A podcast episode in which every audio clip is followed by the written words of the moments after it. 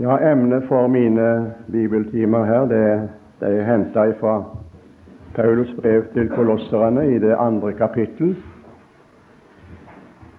Og Vi finner emnet der i vers 2. At deres hjerte må bli trøstet, så de kan knyttes sammen i kjærlighet og nå fram til hele rikdommen av den fullvisse innsikt til kunnskap om Guds hemmelighet, som er Kristus. I denne timen her, og kanskje også Jeg vet ikke om jeg klarer å tale alt om alt i denne timen, men uh, iallfall jeg vil prøve på det. Tale om noe som står i Efeserbrevets første kapittel. Og det vil jeg da kalle for Kristus, Guds viljes hemmelighet. Kristus Guds viljes hemmelighet. For vi ser også det ut fra Efeserbrevet, det første kapittel og det tredje kapittel, som vi også skal komme inn på, eh, ser vi det at også Guds vilje er fra evighet av. Og han hadde denne vilje hemmelig hos seg sjøl. Han tidde med den, men åpenbarte den gjennom hellige profeters skrifter, talte til oss allerede da og åpenbarte sin vilje ved Jesu Kristi komme. Efeserbrevet 1 skal vi lese fra i denne timen her. Og da vil vi lese ifra det åttende verset, eller vi får ta med det sjuende. I ham har vi forløsningen ved hans blod, syndenes forlatelse etter hans nådes rikdom denne nåde har Han gitt oss i rikt mål med all visdom og forstand. Og nå Da Han kunngjorde oss sin viljes hemmelighet etter sitt frie råd, som Han forut fattet hos seg selv, om en husholdning i tidenes fylde, og samle alt til ett i Kristus, både det som er i himmelen, og det som er på jorden.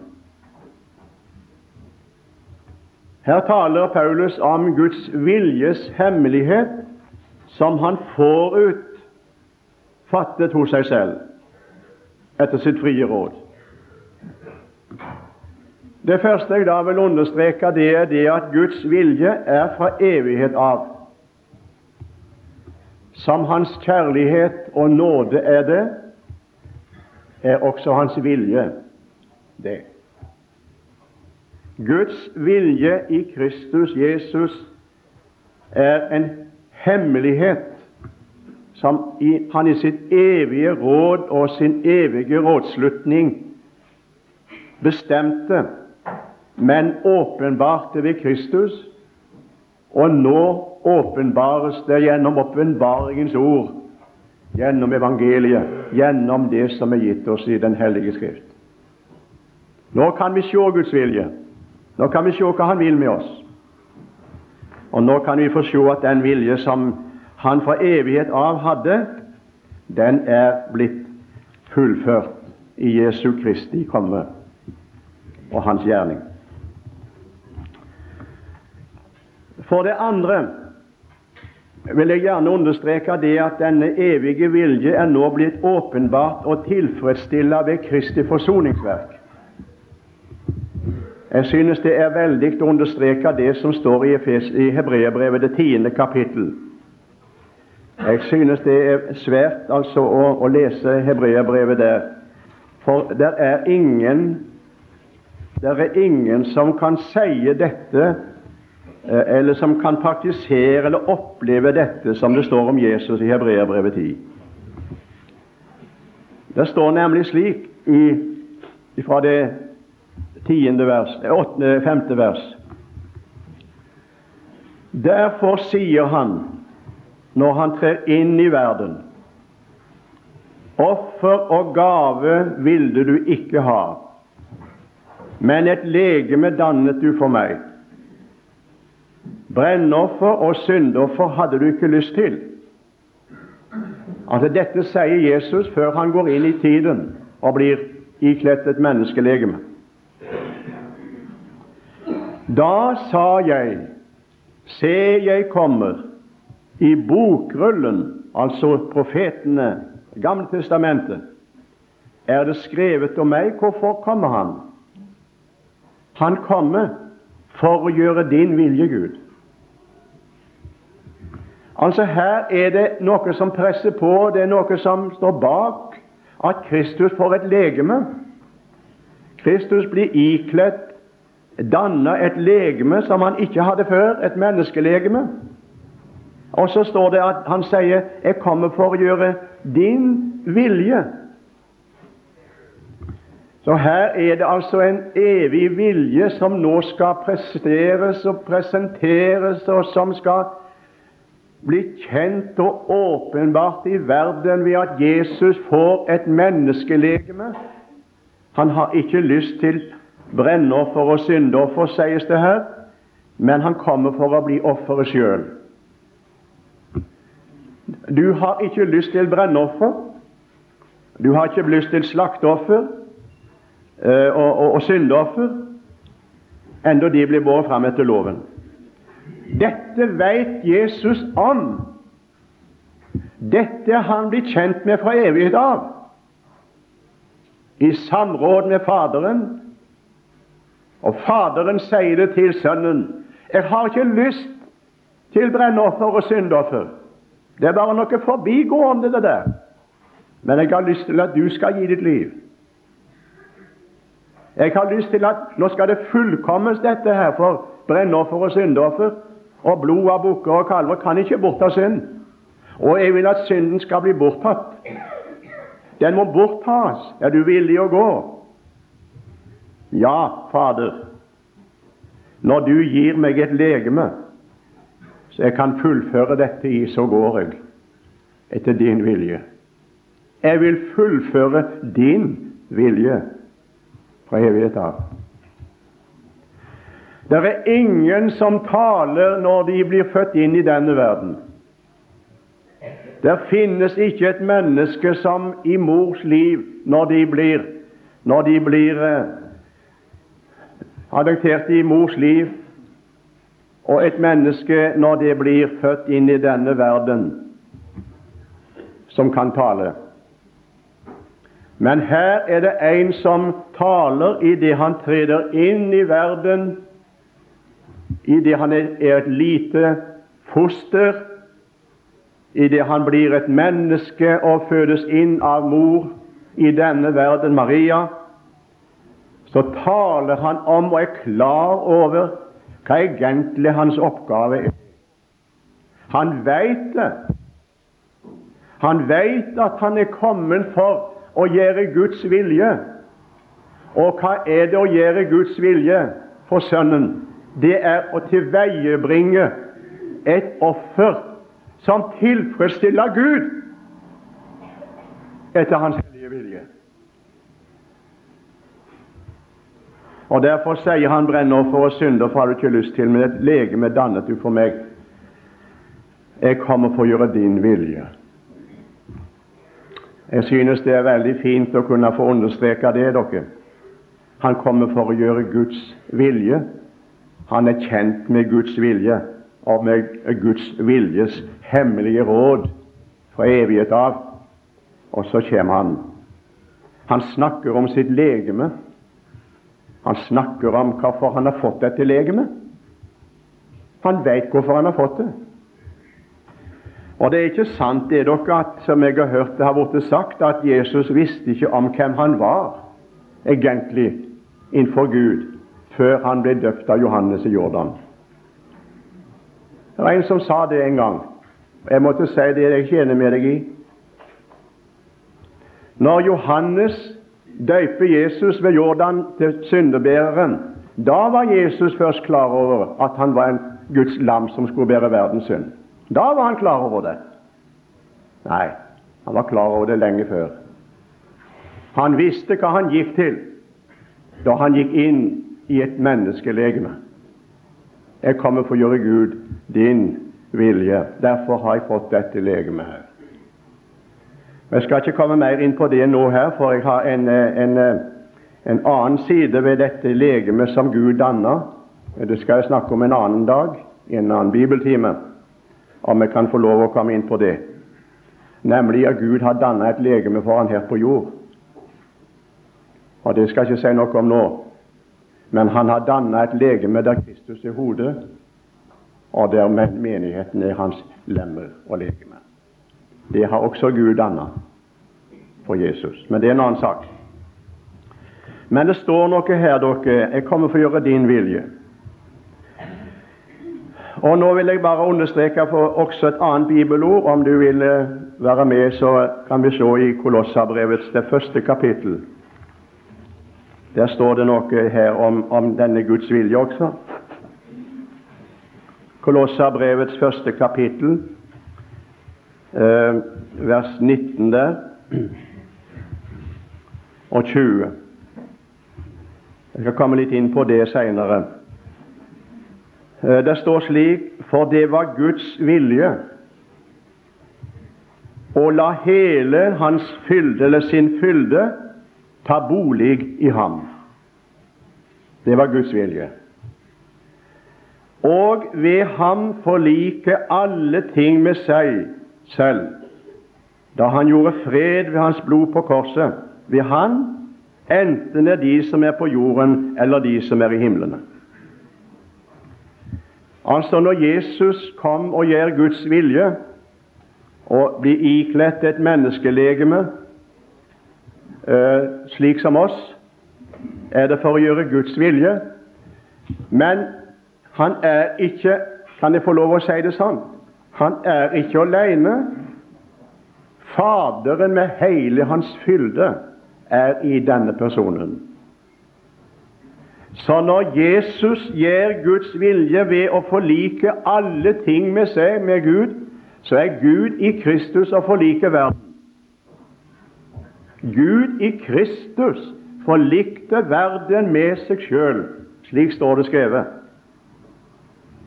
Og Jeg vil gjerne si det her at det var Guds vilje at han skulle forlike alle ting. Og Nå står ikke det alle mennesker, men det står alle ting. står det. Og Derfor er det ikke noen ting som ikke er forlikt med Gud. Og Derfor vil jeg bare si det her at Gud kan nå gå inn i alle situasjoner. Han kan gå inn i alle forhold. Han kan gå inn i alle plasser. For han har nemlig all makt i himmel og på jord. Og han kan forandre saker og ting, fordi alle ting er hans tjenere, står det. Alle ting er forlikt med Gud. Og Det skal jeg ikke si noe mer om. Men eh, Guds vilje fra evighet av var nemlig dette. Og nå nå er det klart og tydelig åpenbart i Skriften, venner. Og det er det vi har hørt nå både på timene og om kveldene. Nemlig dette Nå er det klart sagt ifra gjennom apostels ord, gjennom Guds ord i Bibelens Nytestamentet, klart og tydelig åpenbart, at nå vil Gud over det som er skjedd med Jesus, at alle mennesker skal bli frelst og komme til sannhetserkjennelse. Det var hans vilje fra evighet av. Men det er ingenting og ingen stad og ingenting som virkelig klart og tydelig, så klart og tydelig, åpenbarer for oss at Gud vil at alle mennesker skal bli frelst. Så se Jesus ikledd kjøtt og blod komme for å gjøre Guds vilje, for å sone verdens synd og forlike verden med seg og med Gud. Det er så sant når det blir sagt i sangen om du Guds kjærleik grant vil sjå til Golgata du ganga må. Og du kan si om du Guds vilje grant vil sjå til Golgata du ganger nå. Det er, det er Guds viljes åpenbarelse i Jesu Kristi komme og hans død og forlikelsen på Golgata kors. Derfor er det ikke et menneske, om du skulle være her i dag, Ikke et eneste menneske som av Gud vil at Gud vil at det mennesket skal gå fortapt. Han har tilveiebrakt fra evighet av en frelse som gjelder hele slekten. Og det er Guds evige vilje at jeg og du skal bli frelst for evig. Men nå må vi gå videre. For det tredje vil jeg understreke det her i dag, det som Paulus skriver nå i Efeserbrevet, det første kapittel som vi nå leste fra, vers 10. Guds vilje fra evighet av, sier apostelen, var en husholdning i tidenes fylde. Og det heter det en husholdning i tidenes fylde for å samle alt til ett i Kristus. En husholdning i tidenes fylde. Og Legg nå merke til det står noe her. Jeg vet ikke, jeg kan ikke si så mye om det. Men det står der han ville samle alt til ett, både det som er i himmelen, og det som er på jorden. Jeg vet ikke om du la merke til når jeg leste nå fra, første, fra Kolossabrevet, vi leste vel der, fra det første kapittel.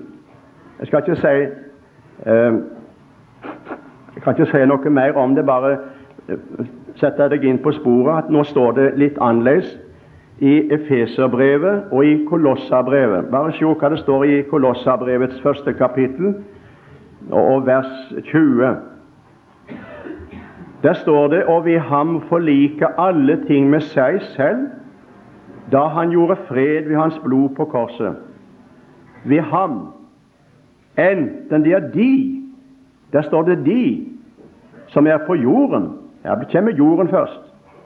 Eller de som er i himlene. Her kommer himlene etterpå, og så står det de i begge plasser. Mens i Feserbrevet det første kapittel står det en husholdning i tidenes fylde å samle alt til ett i Kristus, både det som er i himlene, eller i himmelen. Her kommer det, og så kommer himmelen først, og det som er på jorden. Jeg skal ikke komme inn på det nå her, jeg skal nevne litt om det litt senere, om uh, får anledning til det. Men her er det altså Guds plan og evige vilje å samle alt til ett i Kristus, både det som er i himmelen og det som er på jorden.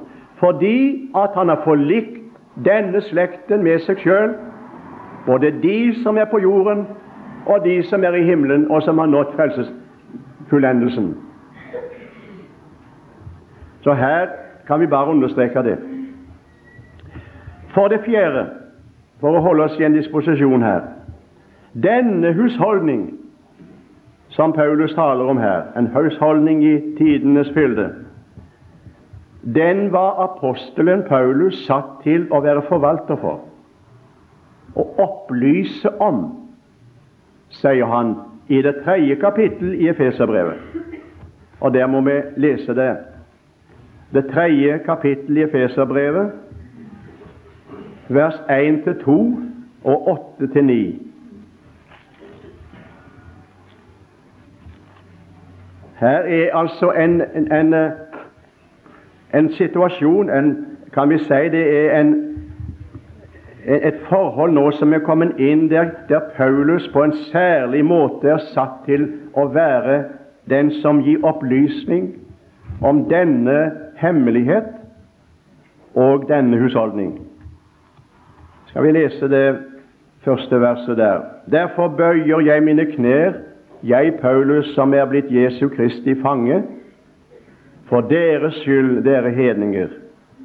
Så sant, står det, så sant dere har hørt om husholdningen med den Guds nåde som er meg gitt for dere. Og vers 8 og 9. Til meg, den minste av alle de hellige, ble denne nåde gitt å forkynne hedningen evangeliet om Kristi uransakelige rikdom. Det hadde Paulus fått som oppdrag. Men så står det også i vers 9 og å opplyse alle om hvordan husholdningen er med den hemmelighet som har vært skjult fra evige tider i Gud som har skapt alt. Altså Her får Paulus da en klar beskjed når han kommer til liv med Gud og får begynne å leve med Herren, at han har fått en spesiell oppdrag. Han har fått det som han skal være med å opplyse eh, om husholdningen, hemmelighet med den husholdningen som fra evige tider var skjult i Gud, som har skapt alt. Denne hemmelighet den er ikke blitt kjent for menneskenes barn i de forrige tidsaldre. Og Nå skal du se vers 5. I 5 i Hefeserbrevet 3. Den, sier han, denne hemmelighet, som heter Kristi hemmelighet i vers 4, den var ikke i tidligere tidsalder gjort kjent for menneskenes barn, slik som den nå er blitt åpenbart for Hans hellige profeter, apostler og profeter ved Ånden. Altså en hemmelighet som i forrige tidsaldre, og i forrige tidsaldre det betyr tiden for lov, før loven kom, kan vi bare si det på den måten, og tiden etter. I forrige tidsaldre, og her kan vi bare samle det under ett før lovens tid og profetene, og etter. Altså Gjennom de forrige tidsaldre var denne hemmelighet og om denne husholdning ikke blitt kjent for menneskenes barn, som nå er blitt åpenbart ved Hans hellige profet, apostler og profeter. Og Så skal jeg komme litt inn på hva det ligger mer i det. Apostelen fikk vite om denne hemmelighet, sier han, og det må vi understreke også, ved en direkte åpenbaring. Og Her går vi til, til Efeserbrevet igjen, 3.3. Efeserbrevet 3.3. Ved åpenbaring har Han kunngjort for meg hemmeligheten, slik jeg ovenfor har skrevet med få ord. Jeg synes det er fint å lese Paulus sine brev når han sier bl.a. det i Galaterbrevets første kapittel, vers 11 og 12, at det evangelium som han har forkynt, det er ikke menneskeverk. Han har heller ikke mottatt det fra noe menneske, men ved Jesu Kristi åpenbarelse. Og Her ser du at Paulus er inne i en spesiell situasjon, en spesiell stilling. En spesiell stilling som han har fått av Gud til å gi opplysning om den husholdning med den hemmelighet som Gud fra evige tider av hadde bestemt. En husholdning i tidenes fylde. Bibeltolkerne de er jo veldig opptatt med, eller prøver iallfall å prøve å finne fram til når ble denne åpenbaringen eh, Paulus til del? Når ble det åpenbart for han? Han sier det ved Jesu Kristi åpenbaring er blitt kunngjort med hemmeligheten. Eh, Adolf Bjerkreim jeg har i bok som jeg gjerne har lest mange ganger, 'Far til Arnold'. Eh, han, han, skriver mye om, om dette i, Efes, i boka 'Efeserbrevet'. Jeg vil gjerne, gjerne uh, sitere noen ord fra den, om vi får tid til det. Men han skriver der i, i den uh, fortolkningen sin om, om, dette, så sier han det at det er noen som mener det at at Paulus, da han ble rykka inn i den tredje himmel i, i 2. Korinterbrev 12, kanskje det var da han fikk den åpenbarte hemmelighet. Det står ingenting om, vi kan ikke slå det fast, men han sier det at det er de som mener det. At da fikk han høre usigelige ord som det ikke er tillatt et menneske å tale, sier han 2. Korinter 12. Han ble rykka like inn i den tredje himmel. Apostelen var satt til å fullføre Guds ord, sier han i Kolossabrevets første kapittel, vers 24-26. Så her er det altså en spesial stilling, en spesiell situasjon, et spesielt oppdrag som apostelen Paulus fikk av Gud. Det er ingen tvil om det, at det er en spesiell, en spesiell stilling, en spesiell, en spesiell oppgave som Paulus får av Herren når han eh, åpenbarer sin hemmelighet for ham, og det legger han klart for dagen. Eh, I Kolossabrevets første kapittel der kan vi se igjen det står noe om det, i vers 25 og 26. Kolossabrevet 1, 25, 26. For den er jeg blitt en tjener i kraft av den forvalter det forvalteroppdrag Gud har gitt meg for dere, å fullføre Guds ord. Denne hemmelighet har vært skjult fra evighet av og gjennom alle slekter. Nå er den blitt åpenbart for Hans hellige. Altså Her må vi se Paulus som en spesiell forvalter, et oppdrag han har fått å fullføre Guds ord. Og Jeg vil bare si oss det her i denne anledningen dere, at eh, jeg, kan ikke, jeg kan ikke lese Paulus sine brev f.eks. i Feserbrevet eller i Tessalonikerbrevet, første Tessalonikerbrev, som vi også har bibeltime fra, uten at jeg må få si det at her er et spesielt, et spesielt oppdrag, en spesiell åpenbarelse, en hemmelighet som Paulus taler om, som han har fått av Herren å forkynne og legge fram, og vise til hvordan det er med denne husholdningen. Eh, jeg må bare spørre deg eh, om når, du er nå her på denne bibeltime Har du i evangeliene eller de forrige tidsaldre, for å holde oss i dette bildet her, eller dette uttrykket her, har du noen plass i evangeliene lest det som Paulus skriver om i Efeserbrevet 2? Har du noen gang i evangeliene lest det, eller hos profetene lest det, når han sier det at Gud oppvakte oss med Jesus og satte oss med Jesus i himmelen, i Kristus Jesus? Er det noen plass du kan finne det i, i, som, som andre har sagt før han? Altså Her er det en spesielt budskap Gud oppvakte oss med Kristus, sier han, satte oss med Han i himmelen, i Kristus Jesus. Eller la meg få lov å spørre, kan du finne noen plass Kan du finne noen plass i, i, i evangeliene der det står om det Paulus skriver om i 1. Korinter 15? Jeg sier dere en hemmelighet. Vi skal ikke alle sovne inn men vi skal alle forvandles. Har du noen plass lest de evangeliene? Jeg har ikke. Ser du her er en spesiell oppgave som Paulus har fått et oppdrag, der han skal fullføre Guds ord, som ikke er kommet opp og ikke talt om i de forrige tidsaldre. Eller kan du finne noen plass i, i evangeliene og i de forrige tidsaldre, for å holde oss i dette, da, der, Paulus, der, der, der det, står det som Paulus skriver i 1. Tessaloniker 4. Dere skal ikke sørge som de andre som ikke har håp. Jeg sier dere, de døde i Kristus skal først oppstå, for Herren skal komme ned fra himmelen med bydende rop, med overengelsk røst og med Guds basun. Dette sier jeg dere med et ord fra Herren. Ser du det er en åpenbarelse han har fått?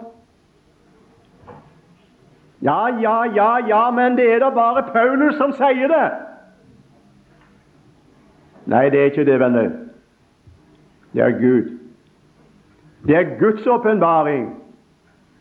Og her må vi ikke si som denne en, en som jeg hørte en som sa det slik Jeg heller meg helst til det Jesus har sagt i evangeliene. Jeg har mindre tillit til det som Paulus sier. Har du hørt noe sånt? For Paulus sine ord kan ikke passe inn i vår situasjon. Tror du det? Tror du det? At det Paulus har skrevet ned, er noe han har så av eget bryst? Nei, det Paulus har fått skrevet ned i sine brev, som er kommet inn i Den hellige skrift, er innblest av Gud. Det er Guds ord. De hellige Guds menn talte og skrev. Jeg kan si det også, dreven av Den hellige ånd. Her blir Paulus åpenbart for, eller Gud åpenbarer for Paulus det er ting, Paulus, som du skal fullføre, som ikke er sagt om i de andre tidsaldre.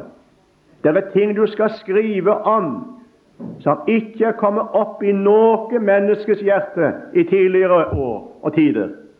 Nå skal du skrive om det, og du er satt til å gi opplysning om denne hemmelighet som har vært tidd med og skjult med for i de forrige tidsaldre.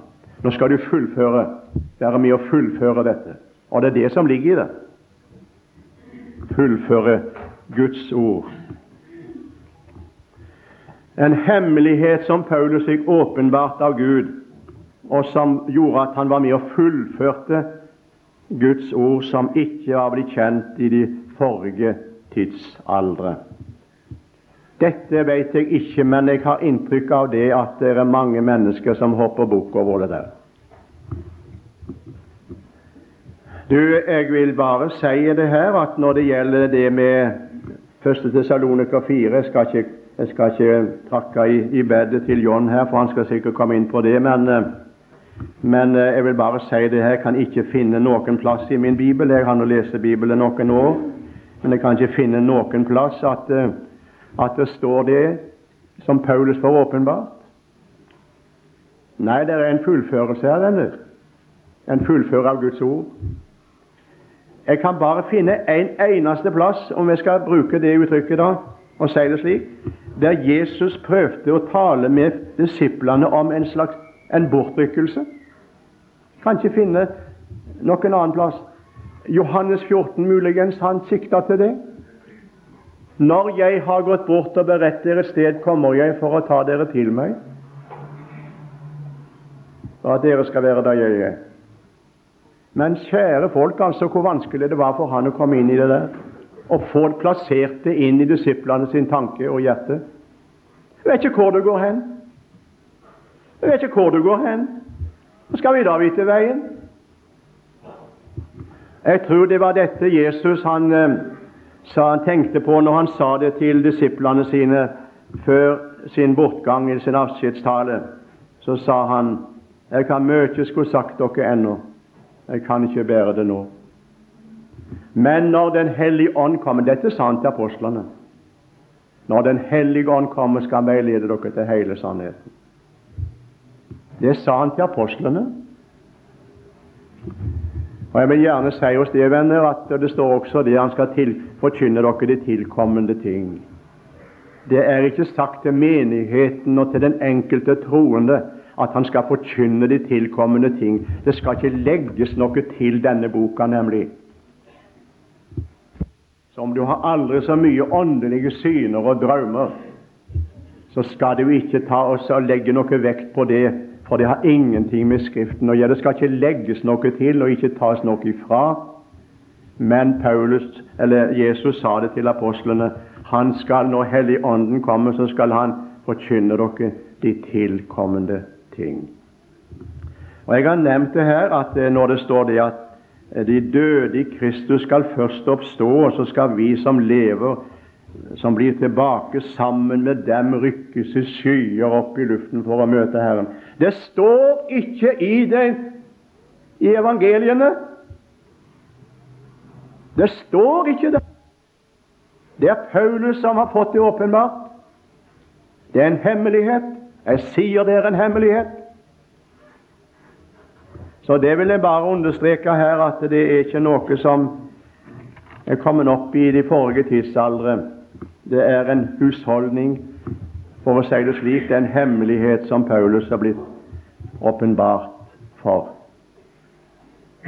Og Så kommer vi til det siste, som jeg da må få lov å avslutte med i denne bibeltime, og få prøve å si litt om det i neste dag.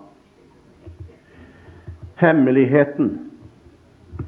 La du merke til, legger du merke til det står et uttrykk her i kapittel 3 i, i, opp i, i uh, Efeserbrevet, vers 3 og til og med vers 6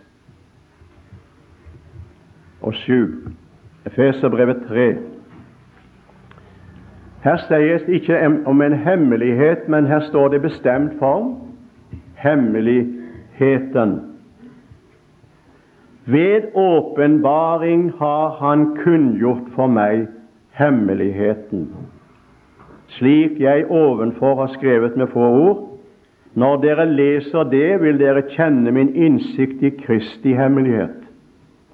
Den var ikke tidligere tidsalder gjort kjent for menneskenes barn, slik som den nå er blitt åpenbart for Hans hellige apostler og profeter i Ånden, at hedningene er medarvinger, de hører med til legemet, og de har del i løftet i Kristus Jesus ved evangeliet.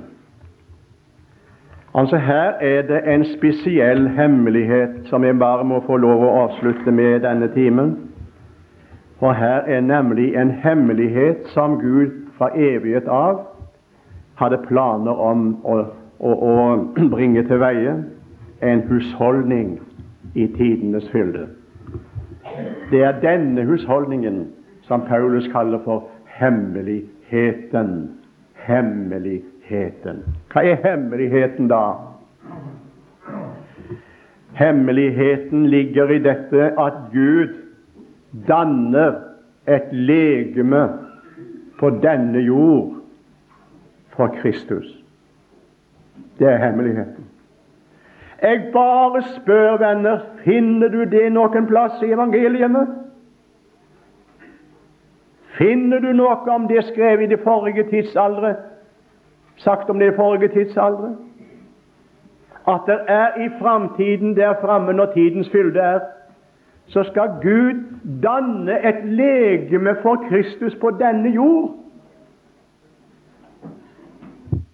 Der Kristus som den oppstandende, herliggjorte frelser skal være hodet, og le legeme er hans menighet på jord. Menigheten er hemmeligheten, og menigheten er et jordisk legeme for Kristus i dag.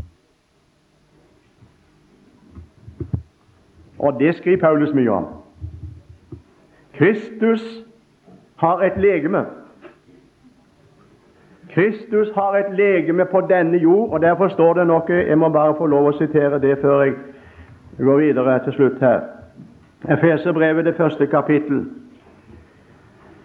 Når det står det om Kristus at han, eh, Gud satte han ved sin høyre hånd i himmelen, står det, over all makt og myndighet står det i vers 21, over alt velde og herredømme, over hvert navn som nevnes, ikke bare i denne verden, men også i den kommende. Alt la han under hans føtter, og gav han som hode over alle ting til menigheten som er hans legeme, fylt av Han som fyller alt i alle. Det er denne hemmeligheten, det er denne husholdningen som Paulus skriver om i Efeserbrevet, det første kapittel, en husholdning i tidenes fylde, der han ville samle alt til ett i Kristus, både det som er i himmelen, og det som er på jorden. Og det er denne husholdningen vi lever i i dag en vidunderlig husholdning, der vi er kalt for de helliges medborgere og Guds husfolk. Vi er lemmer på Kristi legeme. Et legeme som Gud har danna og laga for Kristus ved frelste syndere, ikke bare av hedninger men også av jøder som er blitt frelst ved evangeliet, hører med til legemet. Og Derfor er det tre folk i denne verden, venner. Det er tre folk i denne verden. Og Dette må vi ikke blande sammen. Paulus skriver til korinterne i det første Korinterbrev, kapittel 10, vers 32. Vær uten anstøt for jøder og hedninger eller grekere og for Guds menighet. Guds menighet er ikke jøder og ikke hedninger og grekere, men de hører Jesus Kristus til. De er, vi kan si det slik her er ikke jøde, her er ikke greker, her er ikke trell eller fri, her er ikke mann eller kvinne. Slik sier Paulus i Galaterbrevet 3,28. Men alle er enige i Kristus Jesus. Vi er et folk, både av hedninger og jøder som har tatt imot Jesus og latt seg frelse. Vi hører med til det som Bibelen kaller for Guds menighet. Det er legemet hans på denne jord. Her slutter jøden å være jøde. Her slutter hedningen med å være hedning. Nå er han en lem på Kristi jordiske legeme, der Kristus er hodet. Menigheten, det er denne hemmelighet. Hvem er da menigheten? Ja, menigheten det er de troende, både av hedninger og jøder som tror på Jesus. Menigheten nevnes av Jesus som noe fremtidig. Når han taler til Peter, så sier han på deg vil jeg bygge min menighet. På den bekjennelse du, Paulus, stiller fram. Du er den Messias, den levende Guds sønn. På den, ikke på Peters person, men på den bekjennelsen vil han bygge sin menighet. Da taler Jesus om noe fremtidig. Og Derfor vil jeg bare avslutte med her nå Nå er denne husholdningen åpenbart i vår verden. Er du med i den? Er du med som en lem på Jesu Kristi legeme, som er menigheten? Er du med i det som Bibelen kaller for Guds husfolk, de helliges medborgere? Er du med der, så skal jeg gjerne få lov å avslutte denne time med å si da skal du få være med og forkynne som Peter skriver om det i sitt første brev, andre kapittel, vers 9 og 10. Jeg kan ikke kommentere det. Jeg skal nevne litt om det i neste bibeltime. Første Peter 2, 9, 10. Jeg synes det er veldig å lese det der, for det er jo, det er jo slik at vi tenker ikke så mye på det.